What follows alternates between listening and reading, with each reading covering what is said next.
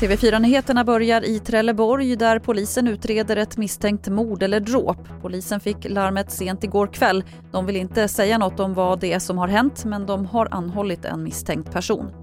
Det brinner fortfarande i ett över 4 000 kvadratmeter stort område i Tyresö utanför Stockholm. Det handlar om ett flisupplag och branden är svårsläckt.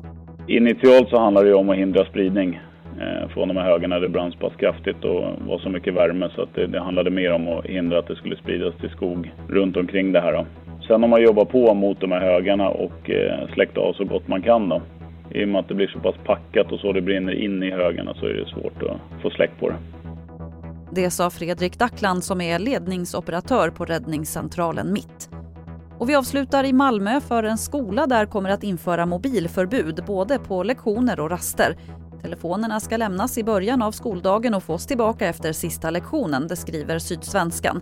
Skolan tror att det här kommer att hjälpa eleverna att komma in i skolarbetet bättre och minska kränkningar mellan elever. Det var det senaste från TV4 Nyheterna. Jag heter Lotta Wall.